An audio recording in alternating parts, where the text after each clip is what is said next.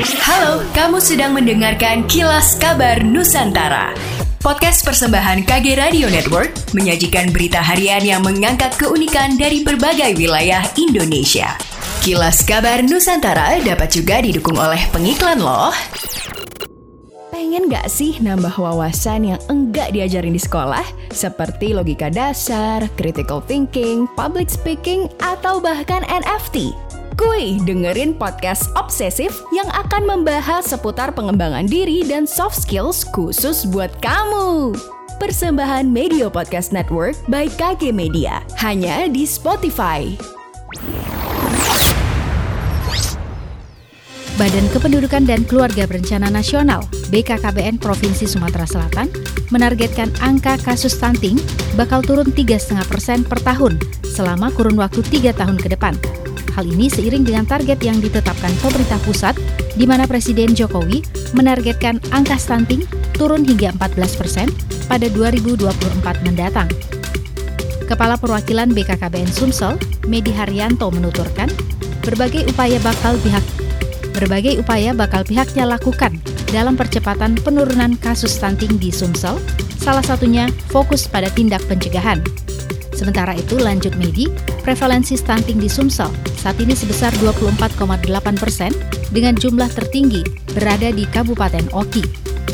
Di tempat yang sama, Gubernur Sumatera Selatan Herman Deru meminta BKKBN dapat berperan optimal dalam upaya percepatan penurunan kasus stunting di Sumsel, salah satunya mengoptimalkan upaya pencegahan. PT Pupuk Kalimantan Timur atau PKT menggandeng Kejaksaan Tinggi Kejati Sulawesi Selatan untuk mengawasi distribusi pupuk bersubsidi. Nota kesepahaman ditandatangani kedua pihak di kantor Kejati Sulawesi Selatan. Hal itu sebagai tindak lanjut pengamanan penyaluran pupuk bagi petani sesuai aturan yang berlaku.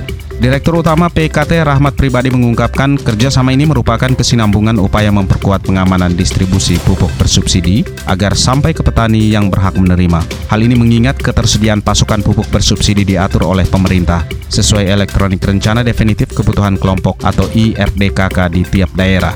Selain itu, upaya PKT memastikan distribusi pupuk bersubsidi di Sulawesi Selatan dilakukan tepat sasaran sesuai prinsip 6T sekaligus menekan potensi penyelewengan agar pupuk tersalurkan kepada petani yang berhak menerima. Apalagi ketersediaan pupuk yang mencukupi menjadi salah satu faktor penentu tercapainya ketahanan pangan nasional. Dalam pandangannya, koordinasi dan pengawasan penyaluran pupuk bersubsidi melalui sinergi multi pihak penting untuk ditingkatkan agar prosesnya terkontrol dengan baik.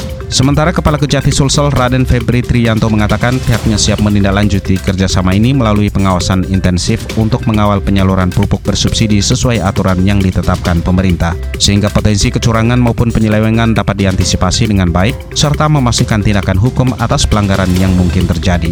Jumlah penumpang angkutan udara dalam negeri yang datang pada Januari 2022 sebanyak 47.871 orang, turun 20,46 persen dibandingkan Desember 2021 yang berjumlah 60.183 orang.